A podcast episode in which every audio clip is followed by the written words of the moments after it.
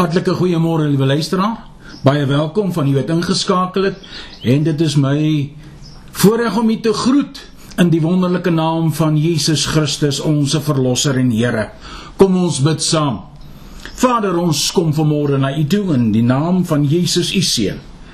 En Here, ons kom net aan u al die hulde en die eer en die aanbidding bring wat u toekom, want Here, aan u kom toe al die eer, al die lof al die aanbidding van ons na van ons harte en Here.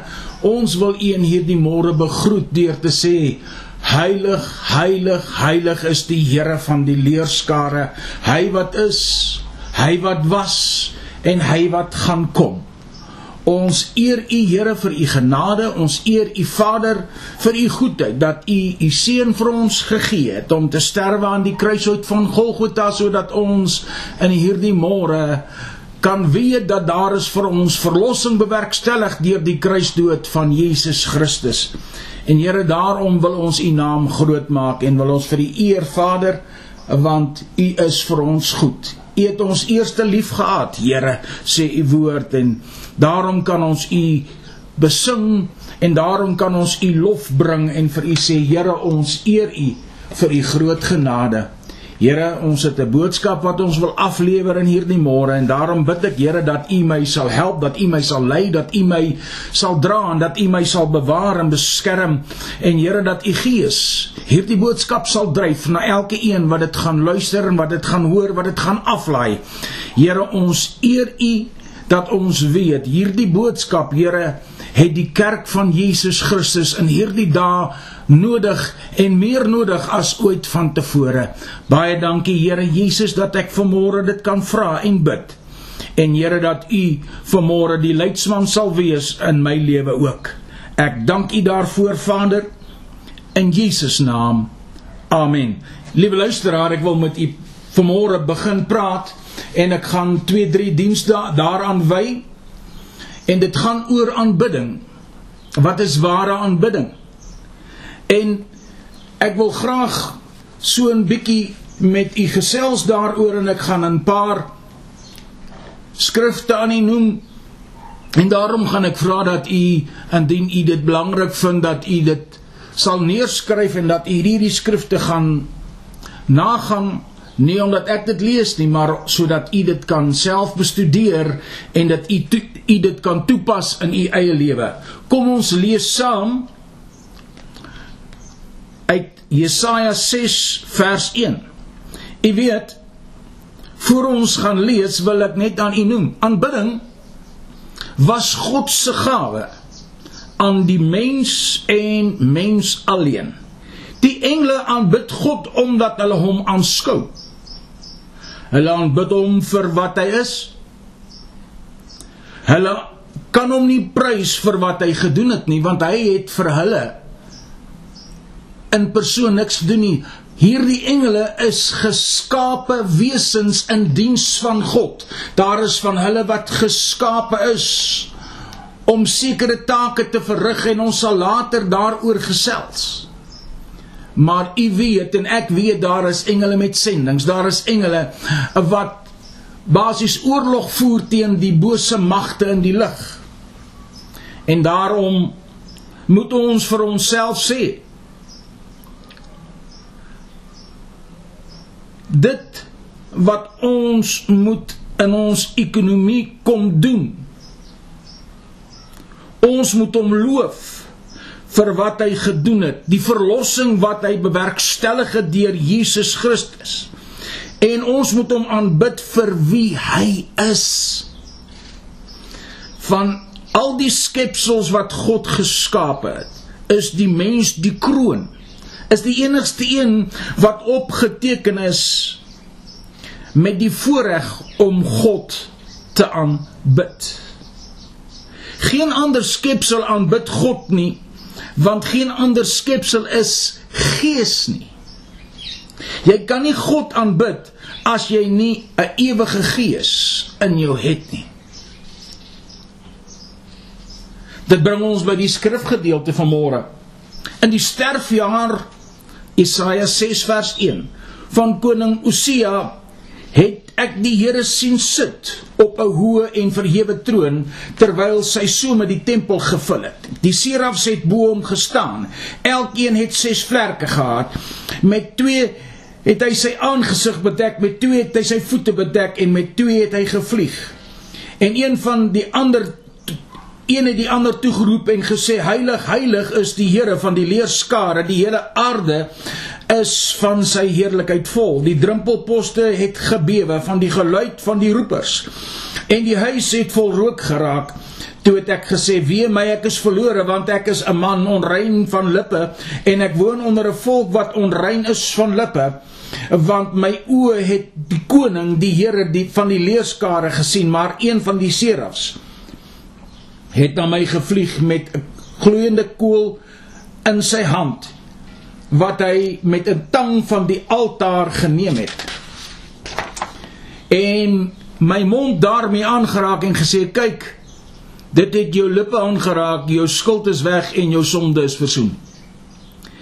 Hierdie gesig van Jesaja bring ons 'n blik op die Ou Testamentiese dinamika omtrent die manier waarop God die Heilige Gees ook gewerk het deur mense, sy diensknegte van God met geestelike vuur homself as gees te vervul.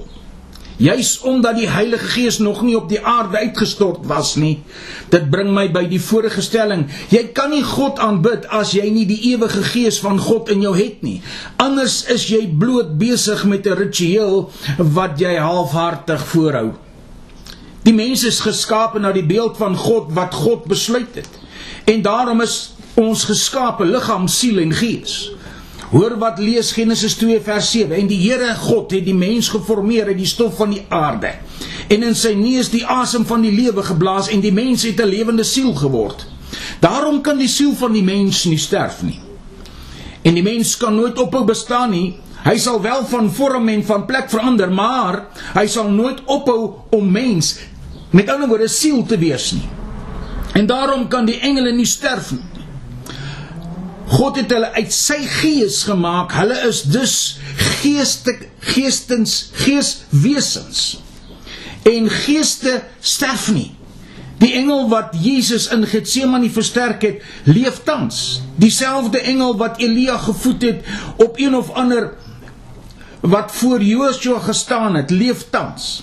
Engele word nie oud nie en hulle gaan nie verby nie. Hulle lewens gaan glad nie verby nie. Ek glo dit was die gedagte waarmee God die mens ook geskaap het. Ons is be, ons bewus van die sondeval wat alles verander het. God se wet sê ons die siel wat sondig moet sterwe. Maar die engele het nie dieselfde samestelling as die mense nie. Hulle is slegs dienende geeste wat uitsluitlik geskape is om God te dien. Dis hoekom die Here nie die duiwel vernietig het nie. Hy skend nooit die wesens van sy eie natuur nie. Aanbidding was 'n geskenk wat God aan Adam gegee het. Geen ander skepsel het dit gehad nie. Toe die mens gesondig het, het hy die instrument van aanbidding basies neergegooi. So het God, so is God ontneem van aanbidding vanuit die mens. Die enigste ding wat hy begeer het toe Lucifer weg was, was die hemel leeg van aanbidding en toe het God die instrument aan die mens gegee. Maar die mens het na Lucifer in die tuin geluister en die mens het die instrument geneem en dit in die modder gegooi. En nou het God na 6000 jaar spandeer om die mens so ver te kry om een ding te doen, om te aanbid. En die aanbidding vloei uit eenheid. Dis hoekom die mens so godsdienstig is. Omdat die mens alhoewel hy geval het, is daar nog steeds in sy gees van die mens daardie honger na God. Daardie honger om God te aanbid omdat hy sy pad verloor het, word hy godsdienstig. En hy probeer die leemte wat in hom is te vul. Maar so 'n vervulling is soos Jesaja 29 vers 8. Want hy sal wees soos 'n man. 'n Hongerman wat aan die slaap geraak het en droom. En 'n droom droom. En die, in sy droom eet en drink hy, maar wanneer hy wakker word, het sy siel eetlus. Slegs ware aanbidding sal die siel bevredig. Die mens wat honger is na God, maar sy pad verloor het, het godsdiens geskep. Jy kan wees waarna God soek. Kom ons lees Lukas 9 19 vers 5 tot 10. Hoor nou mooi. En toe Jesus by die plek kom, kyk hy op en sien hom en sê vir hom Saggeus en hier word van Saggeus gepraat. Maak gou en klim af want ek moet vandag in jou huis bly. Hy maak toe gou en klim af en het hom met blydskap ontvang. Toe hulle En toe almal dit sien, het hulle gemurmuur en gesê hy het by 'n sondige man tuis gegaan. Maar Saggeus het gaan staan en aan die Here gesê: "Kyk, die helfte van my goed gee ek aan die armes, en as ek iemand van iets afgepers het, gee ek dit vierdubbel terug." Toe sê Jesus aan hom: "Vandag het daar redding vir hierdie huis gekom, aangesien hierdie man ook 'n seun van Abraham is." want die seun van die mens het gekom om te soek en te red die wat verlore is. Ons lees Johannes 4. Die vrou sê vir hom: "Meneer, ek sien dat u 'n profeet is. Ons vaders het op hierdie berg aanbid en julle sê dat in Jerusalem die plek is waar die mense moet aanbid." Jesus sê vir haar vrou: "Glo my, die uur kom wanneer julle die Vader nie op hierdie berg en ook nie in Jerusalem sal aanbid nie. Julle aanbid wat julle nie weet nie. En ons aanbid wat ons weet. Want die saligheid is uit die Jode. Maar die uur kom en dit is nou wanneer die ware aanbidders die Vader in gees en waarheid sal aanbid, want die Vader soek sulkes om hom te aanbid. Dis Johannes 4 vers 19 tot 23. Ons skryf vir Paulus. Hy staan by die Areopagus. Handelinge 17 vers 22 en ek gaan 'n paar verse lees. Hoor nou mooi. Paulus gaan staan toe in die middel van die Areopagus en sê: "Ateners, ek sien dat julle in elke opsig baie godsdienstig is. Want terwyl ek rondgaan en julle heiligdomme aanskou het, het ek ook 'n altaar gevind waarop geskrywe is: aan 'n onbekende God.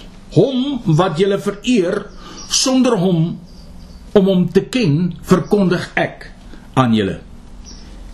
Die God wat die wêreld gemaak het en alles wat daarin is, hy wat Here van hemel en aarde is, woon nie in tempels met hande gemaak nie. Ook word hy nie deur die mensehande gedien asof hy aan iets behoefte het nie. Omdat hy self aan almal lewe en asem en alles gee.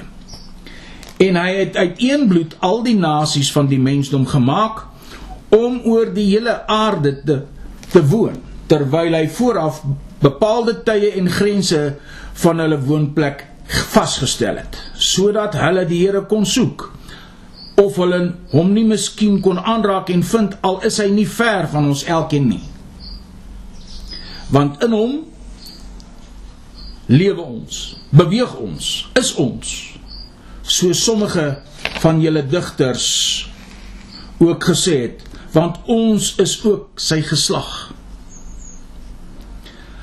As ons dan die geslag van God is, moet ons nie dink dat die godheid aan goud of silwer of steen die beeldwerk van menslike kuns en uitvinding gelyk is nie.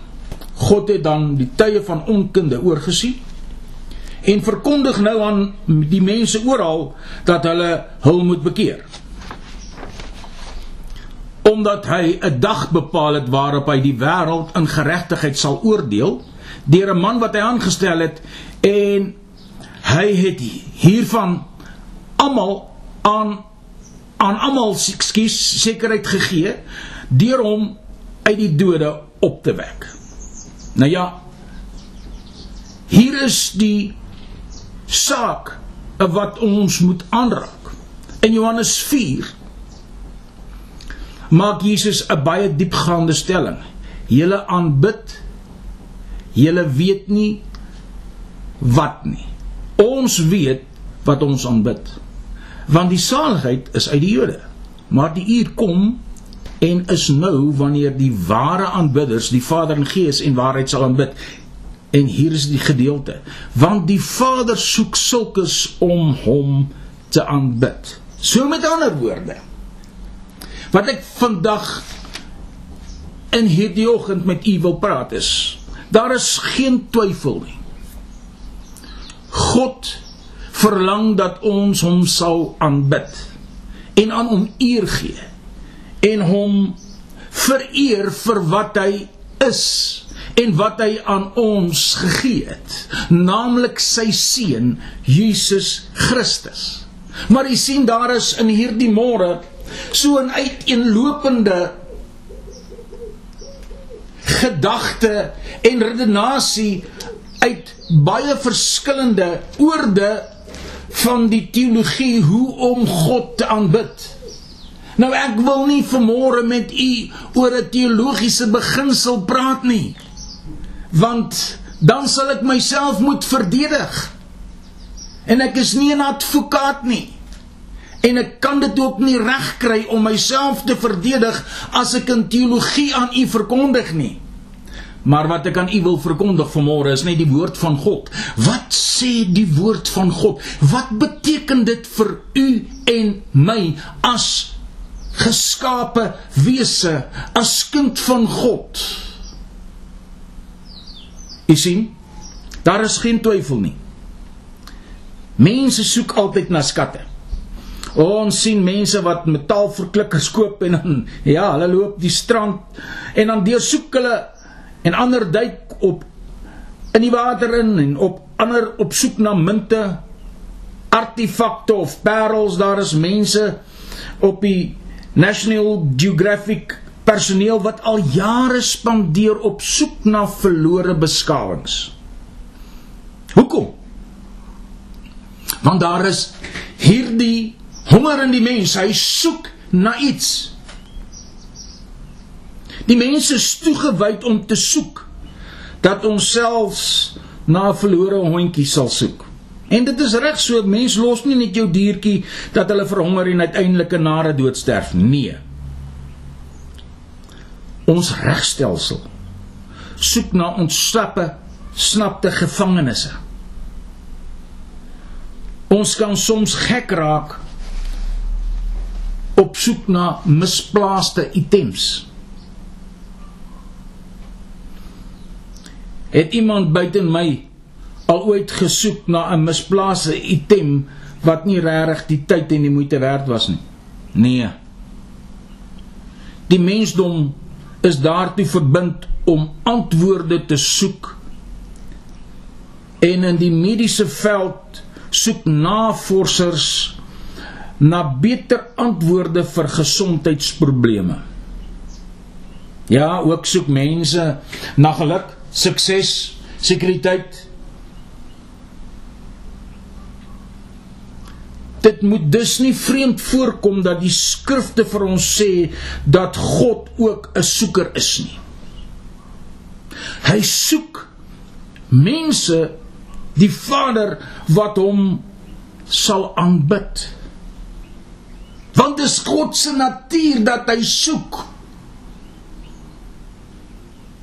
Hy is nie soos ons nie. Kyk net lukraak rond. Hy is hy het iets besonders in gedagte waarna hy soek.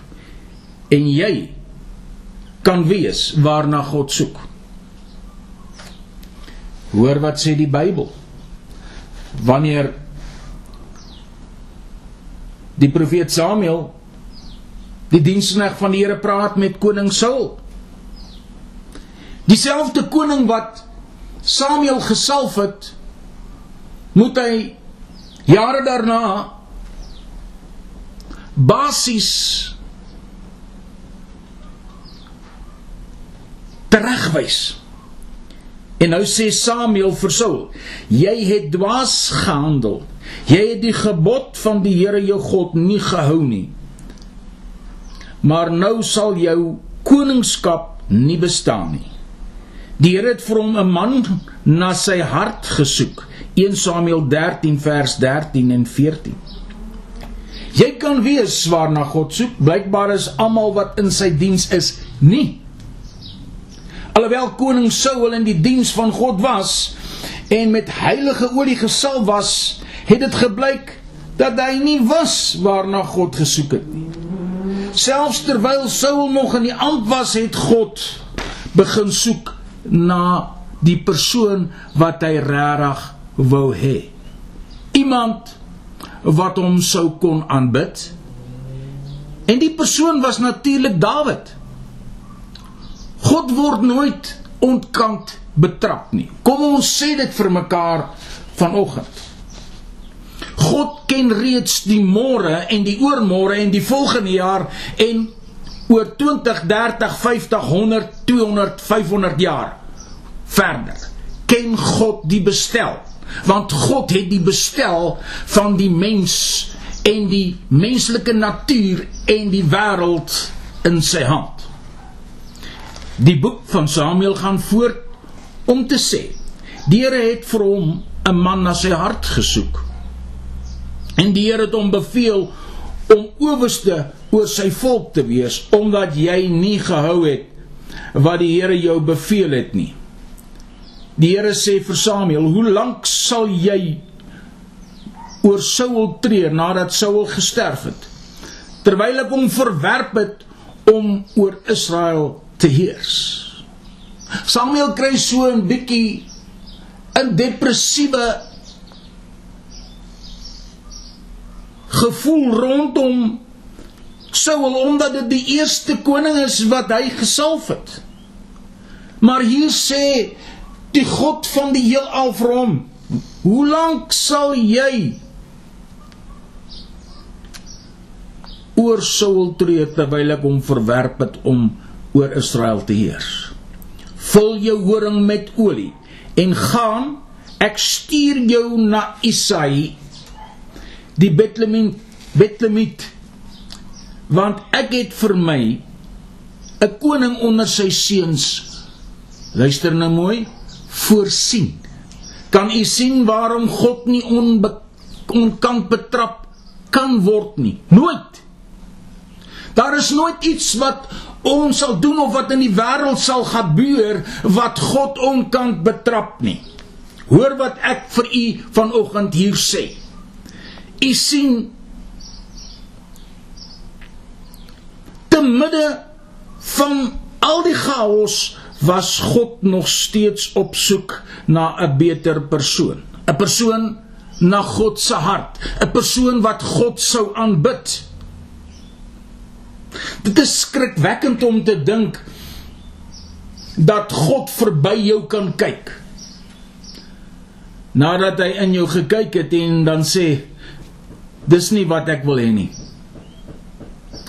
Hy sal dit in 'n lofprysing diens doen. En nadat hy hom Saul verwyder het, het hy vir hulle Dawid laat opstaan om hulle koning te word, aan wie hy ook getuig en gesê het ek het Dawid, die seun van Isaï gevind, 'n man na my hart wat al my wil sal vervul. Handelinge 13 vers vers 22. Nou kon God nie iets kry waarna hy gesoek het nie. Hy soek iemand, nie talentvol nie, maar gewillig. Hy soek iemand wat bereid is om hom te onderwerp, oor te gee en te gehoorsaam. Hy soek iets selfs verder as gehoorsaamheid. God soek iemand hoor baie mooi om in die gaping te staan. Ons lees Jeremia 5 vers 1. Swerf rond in die strate van Jerusalem en kyk tog en verneem ek soek op sy plein en soek op sy pleine of jy iemand vind of daar een is wat reg doen wat waarheid soek, dan sal ek daaraan vergifnis skenk. God soek iemand wat in die middel van die gemors sal staan en nie met publieke opinie tevrede wees nie. God soek iemand wat stroom op sal kan gaan. Iemand wat sal stem sy stem verhef vir geregtigheid en nie sal sal saamsmelt met die klomp wat uitgemak stroom afgaan nie. In Esegiel 22 vers 30 staan daar: Ek het onder hulle 'n man gesoek wat 'n muur kan bou en voor my aangesig in die bres kan staan vir die land sodat ek dit nie sou verwoes nie maar ek het niemand gevind nie. God wat heilig en regverdig is word gedwing om oordeel teen die bose te voltrek al wil hy nie. Dis God se natuur. Dis reg of verkeerd. Daar is nie 'n halfreg of 'n half verkeerd in God se redenasie nie omdat hy vol genade is wil hy vergewe maar sy geregtigheid sê hy moet straf Hy soek iemand wat om in die bres te staan sodat barmhartigheid, geregtigheid kan oorheers. Jakobus 2 vers 13 sê: "En barmhartigheid is bly teen die oordeel." God soek dus iemand wat teen die bose sal staan en mense sal oproep om hulle te bekeer. Want as hulle berou het, is ek gereed om te gee te vergewe. Maar as hulle nie bekeer nie, moet ek oordeel. Esegiel 32, daar 22 vers 31. Daarom het ek my toorn oor hulle uitgegiet. Deur die vuur van my grimmigheid het ek hulle verteer. Hulle wandel het ek op hulle hoof laat neerkom, spreek die Here wanneer God nie kan vind waarna hy soek nie, is hy gedwing om te vernietig. Die teenwoordigheid van God in die ewige Gees gedrewe aanbidding 'n aanbiddingsdiens is 'n bewys dat God op soek is na iemand wat hy kan gebruik om die wêreld te spaar om na die duiwel se hel toe te, te gaan. om die ons ontzagwekkendheid van God wat na aanbidders soek te verstaan, moet ons op die grootheid van aanbidding begryp. Want God se soeke is gekoppel aan aanbidders. Toe hy vir daardie Samaritaanse vrou gesê het, want God soek sulkes. Beteken dit dat hy 'n aanbidder soek nie net 'n werker nie. God soek nie net enige aanbidder nie, maar een wat hom in gees en waarheid sal en kan aanbid. Wanneer u die boek der boeke die, die boek van Psalms gaan bestudeer, dan gaan u afkom op manne wat besig was om God te besing. Sy eer groot te maak, hom te prys, hom te loof deur hulle aanbidding aan hom kry ons terselfdertyd so 'n kykie na die natuur en die grootheid en barmhartigheid van hierdie asemrowende liefdevolle genadige God wat ons aanbid. Kom ons lees gou Psalm 53 vers 1 en ek gaan so 'n paar verse lees.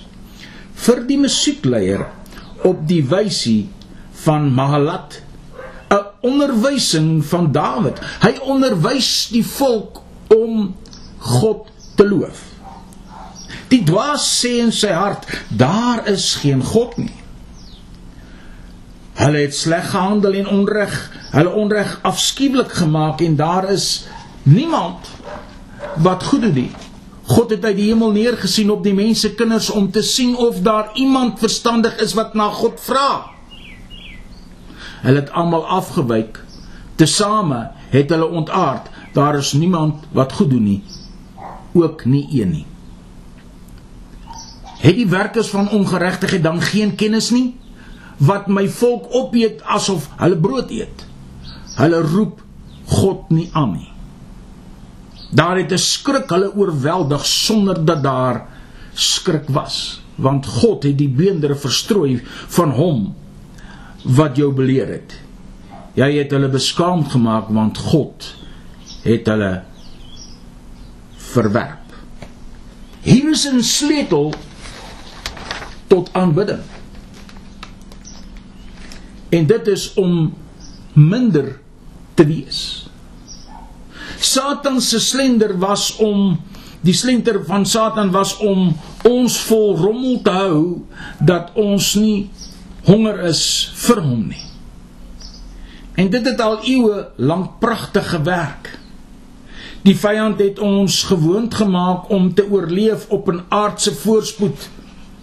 Maar 'n bedelaar se bestaan in die geestesryk dat net 'n krummel van God se teenwoordigheid sal bevredig.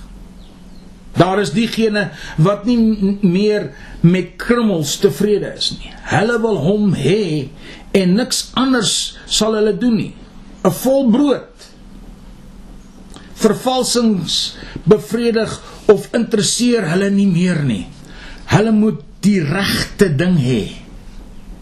Die meeste van ons hou egter ons lewens so propvol gemors vir die siel en vir gemaklikheid vir die vlees dat ons nie weet wat dit is om regtig honger te wees na God nie. Die Bybel sê van die koninkryk van die hemel, die geweldenaars neem dit met geweld in Matteus 11 vers 12. Om een of ander rede klink dit nie net soos Christendom nie, Ons het so kerklik geword dat ons eie vorm van politieke korrektheid en beleefde etiek ontwikkel het. Aangesien ons nie radikaal wil wees nie. O nee. Glad geensins nie. Rangskik ons al ons stoele in mooi rye en verwag dat ons dienste ook aan ewe regheid en gereguleerde lyne moet voldoen en daarmee wil ons ook die gees van God as ware kondisioneer om by ons gereguleerde diens aan te pas. Dit moet nie uit ons gereguleerde plan en fotum gaan nie. Want u sien, dit is nie korrek nie. Dit is nie Bybels korrek nie. Wys dit vir my waar. Want u sien, Nou wil mense vir my sê dat God is 'n God van orde. 100%. Gaan lees maar 1 Korintiërs 14, 1 Korintiërs 15. En dan sal u sien dat Paulus skryf met die oog op die geestelike gawes dat elkeen 'n kans moet kry sodat dit reg moet geskied sodat elkeen sy geestelike gawe kan ontwikkel in die erediens wat deel is van die aanbidding aan God. Kom ek vertel u wat ek gedoen het met 'n altaarwerkerskursus wat ek wou manipuleer omdat ek gedink het ek het mos ek is mos in beheer. Ons het 'n altaarwerkerskursus op besluit omdat ons agtergekom het dat in ons dienste daar nie altaarwerkers was wat opgelei is om werklik waar die mense te bedien wat vorentoe gekom het vir gebed nie. En daarom het ek 'n uitnodiging uitgegee en daar het 'n klomp mense na vore gekom. Klomp jong mense na vore gekom en hulle wou as altaarwerkers opgelei word. En ons het die spesifieke aand bymekaar gekom. Ek kan nie onthou wat se aand dit was nie. Ek dink dit was 'n Dinsdag aand of so so iets. En daar was omtrent 32 mense wat uit die gemeente na vore gekom het vir hierdie altaarwerkers kursus. Elkeen het die nodige vorms ingevul en is geregistreer en ons het elkeen se dokumentasie vir hulle gegee. En voor ons begin het het ons die gebruikelike gebede gedoen en ons het gebid en gevra dat die Here ons sal seën en dat ons God in alles sal verhoog. En in my agterkop het ek geweet dat uh, ek hierdie saak moet baie sensitief hanteer. En daar het in my voorwoord het daar uitgekom dat ek het gesê en dit is nog steeds my mening dat mense wat nie vervul is met die Heilige Gees nie net boeke kennis het maar geensins geestelike kennis van onderskeiding vir die mense wat uitkom vir gebede nie. En ek het vir die groep gevra dat hulle by die opsteek van hande vir my sou toon wie is alreeds vervul met die Heilige Gees want een van die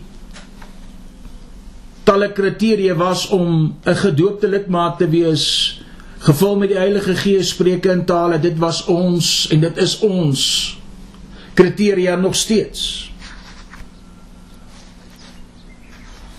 en ek was verbaas om te sien dat meer as 3 kwart van die kursusgangers was nie vervul met die Heilige Gees nie. En wanneer ek praat van vervul met die Heilige Gees, praat ek van die spreuke in vreemde tale volgens die Bybel, nie volgens 'n kerkbeginsel nie. Gaan lees maar Handelinge 2. Dan sal u weet waarna ek verwys. Maar daarom het ons in Korintiërs 12 het ons die geestelike gawes wat spruit uit Handelinge 2 se spreuke in tale. Want Paulus het dit verder geneem en gesê wat dit is.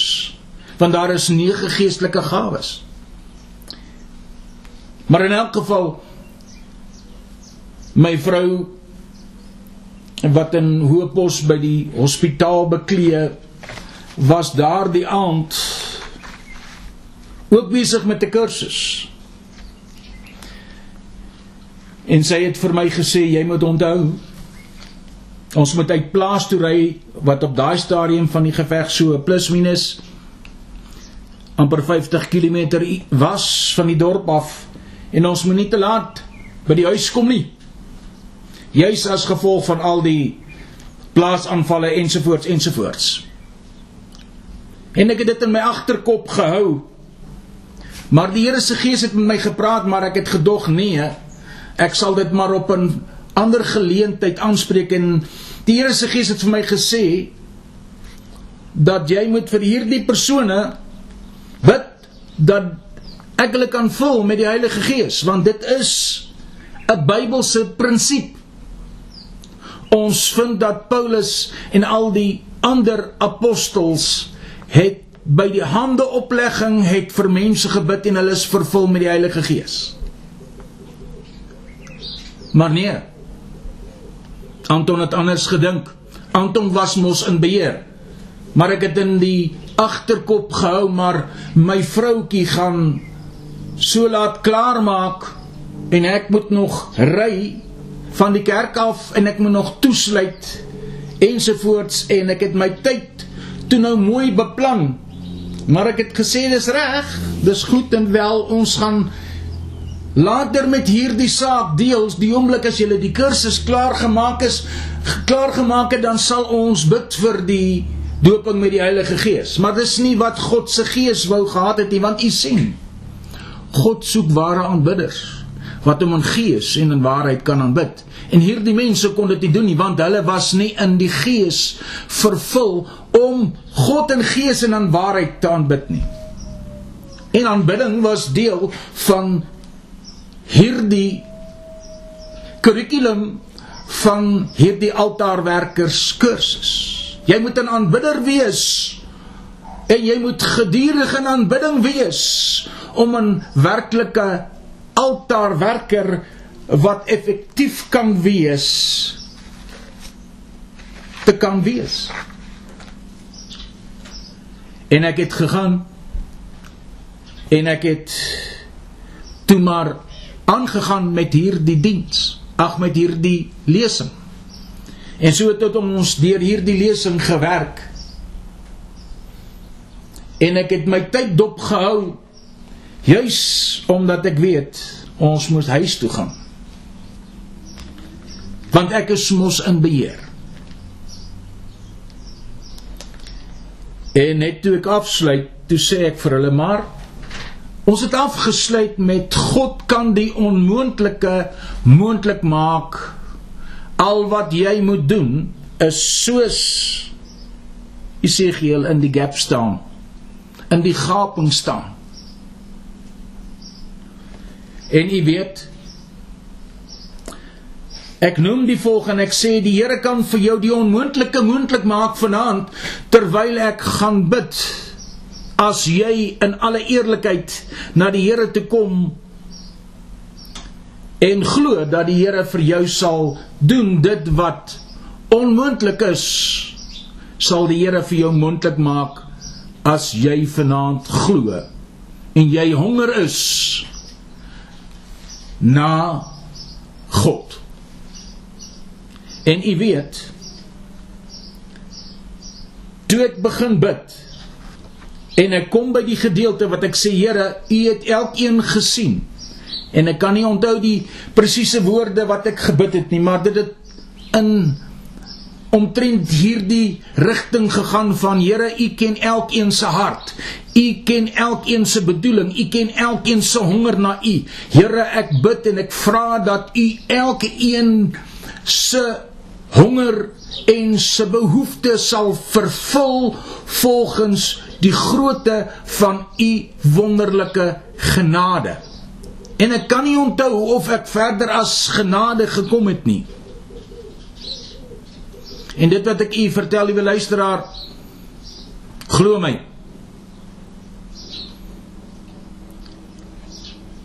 En dit klink soos 'n skoot wat erns klap in die kerk. Want die kerk is leeg. Ons is 'n paar mensies hier op die linkerkantste vleuel van die kerk. Met 'n paar rye stoele vol sit. En ons het plastiekstoele gehad want ons het ons kerk net 'n paar jaar voor die tyd klaar gebou en ons het nog nie geld gehad om lekker banke te bou nie. Maar ons het 'n klomp skenkings gekry vanuit die gemeentes en uit oral uit en ons het plastiese stoele gekoop wat mooi was en ewe skielik toe hierdie skoot klap maak ek my oë oop want ek wou toe agterkom of dit nie dalk die elektriese skakelbord is wat nou ontplof of iets nie Toe sien ek nee, maar die ligte is nog aan en ewe skielik toe kom die Heilige Gees en vul elke persoon wat nog nie gevul was nie met die Heilige Gees. En soos ek vir u gesê het, daar was 'n groot meerderheid van daardie kursusgangers wat nie gevul was met die Heilige Gees nie. En hulle almal begin spreek in vreemde tale en die gees van God is so vaardig dat ek kon beswaarlik staan. En ek sal u sê dit was basies 'n wonderlike wonderlike ervaring. En hierdie vervulling gaan aan vir die volgende 3 en 'n half ure.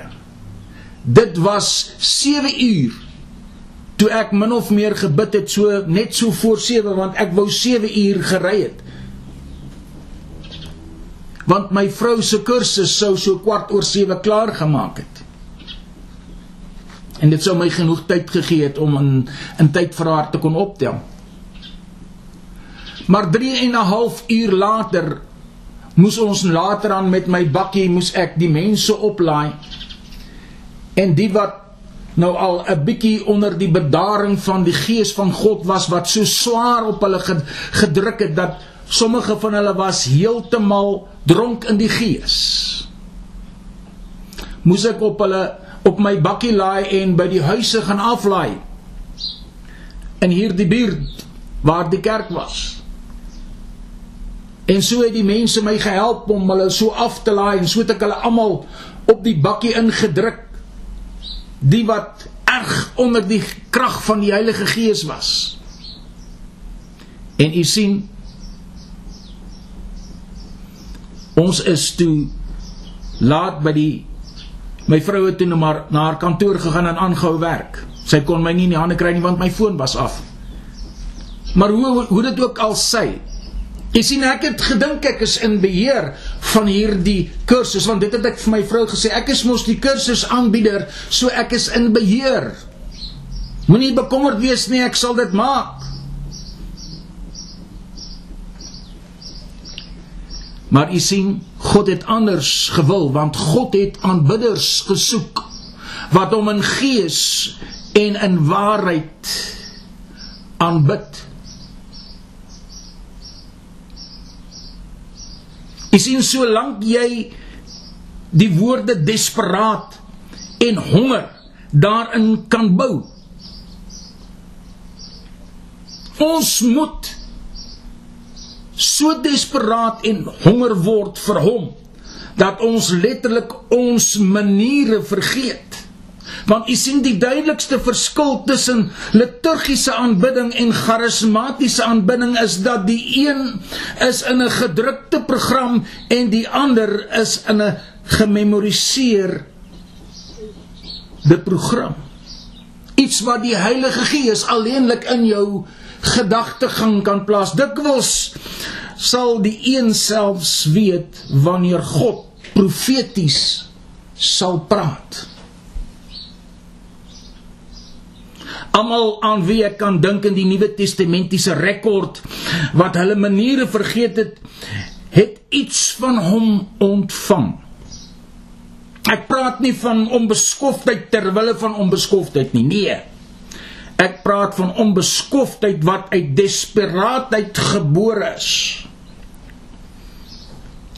Wat van die een desperate vrou wat 'n ongeneeslike bloedingsprobleem gehad het wat haar elleboog deur die skare gedruk het sodat sy aan die soem van die Here se kleed kon raak.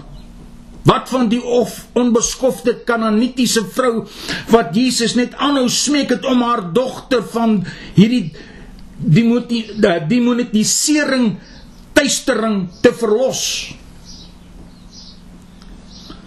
Al het Jesus haar belediging gesê dit is nie reg om die brood van die kinders te neem en dit vir die honde te gooi nie. Het sy volgehou en sy was net so onbeskof terug. En so abrupt. En so opdringerig. Of was sy eenvoudig so desperaat honger vir die brood dat sy geantwoord antwoord het waarheid Here tog eet die honde van die krummels wat van die eienaars van hulle eienaars se tafel afval. Die meeste van ons aan die ander kant kom na ons predikante en sê o pastoor sou jy kan vir my bid en my seun as niks regtig gebeur nie trek ons net ons skouers op en sê wel ek sal gaan eet en ek sal maar gaan ontspan. Of ek gaan huis toe met die innerlike mens kalmeer met die vlees kos en vermaak. Om eerlik te wees ek hoop dat God mans en vroue in sy kerk gryp en veroorsaak dat hulle so behep raak met die brood van sy teenwoordigheid dat hulle nie sal ophou om hom te aanbid nie. Sodra dit gebeur, wil hulle nie net 'n seën my aanraking hê nie. Hulle sal wil hê dat hy in die plek moet opdag. Maak nie saak hoeveel dit kos of hoe ongemaklik dit mag voel nie. Hulle mag dalk onbeskof klink en optree, maar hulle sal nie regtig omgee vir die mens se opinie nie, maar net oor God se opinie sal hulle werklik waar omgee. Dit is akkuraat om te sê dat die kerk oor die algemeen nie regtig 'n plek het vir sulke mense nie. Die vraag is regtig vanoggend watter mens is jy? Hoe wil jy God aanbid aangesien ons verwag dat God hom in gees en in waarheid aanbid? Daardie desperate waarheid wat aan God al die eer en lof wil bring vir so baie dinge in ons lewe wat ons wat God ons genadig en goedgunstiglik skenk en self vir die feit dat hy u gered het en u sy kind gemaak het. Aanbidding is wanneer ek in totale oorgawe aan God sy lof besing sonder dat ek iets terugverwag.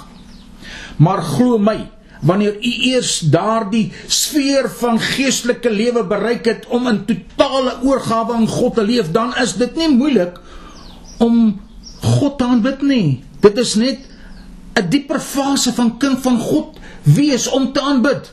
Wanneer jy wat jy op hom kan roem. Wanneer wat het jy wat jy op in elk geval op kan roem? Aanbidding is 'n totale interaksie met God deur sy Heilige Gees wat in ons woon. Ek sluit af met 'n paar tekste uit Romeine 8 vers 26 en 27 en 28. Hoor baie mooi. En net so kom ook die Gees ons swakhede te hulp want ons weet nie reg wat ons moet bid nie. Maar die gees self tree vir ons in met onuitspreeklike sugting dis wanneer ons basis in daardie heilige gees taal van God bid en jy weet nie wat jy sê nie maar jy weet dit is die regte ding wat jy nou doen En omdat hy die harte deursoek vers 27 vers van Romeine 8 weet wat die bedoeling van die Gees is omdat hy ooreenkomstig die wil van God vir die heiliges intree. En ons weet dat hulle wat God liefhet alles ten goeie meewerk vir hulle wat na sy voorneme geroep is. Hoe lyk jou aanbidding tot God? Ek praat nie van 'n gewone tafelgebed en jou aandgebed nie, maar ek verwys na intense aanbidding waar jy alleen jou God aanbid en sy naam groot maak en jy in gesprek met hom gaan. Ek gaan nog vanaand 'n ander boodskap bring. Aanbidding kom vanuit ons gees. Ek hoop u skakel in en luister daarna of u kan dit oh, u kan my WhatsApp en ek stuur vir u 'n direkte link na daardie boodskap. Kom ek wil vanmôre met u saam bid. Kom ons bid saam. Vader, u wat ons harte ken, u wat die harte ken, u wat die mens ken, u wat die mens gemaak het. Here, u het ons geskape liggaam, siel en gees. En Here, in hierdie môre wil ek bid dat u elke een wat na hierdie boodskap luister, Here sal honger maak om hierdie aanbidding tot u te wil soek en Here dat u hulle deur u sal laat vind. En Vader dat u elke een wat u aanbid sal self Here met die salfolie van aanbidding in hierdie môre. Ek dank u dat ek weet Here u is 'n waarmaker van u woord U is die een wat u laat vind deur hulle wat u soek. En Here, u weet dat u het ook gesê die wat u soek sal u vind. Dankie Here dat ek kan bid vir elke een vanmôre wat u in gees en in waarheid wil aanbid en aanbid Here dat u hulle sal salf deur u gees en Here dat hulle sal vooruitgang met rasse skrede wees omdat u seën en salf die wat u soek. Ek dank u daarvoor Vader, help ons dan ook met vanaand se diens. Dis my gebed in Jesus naam. Amen. Liewe luisteraar, my kontakbesonderhede is as volg: WhatsApp +27 76 840 1328. My e-posadres is dr.af.weyers w e lang y e r s 55 @gmail.com. Ek hoop u gaan vanaand inskakel om die volgende gedeelte van hierdie preek ook te kan luister. Die Here seën u, gaan en wees met u. Amen.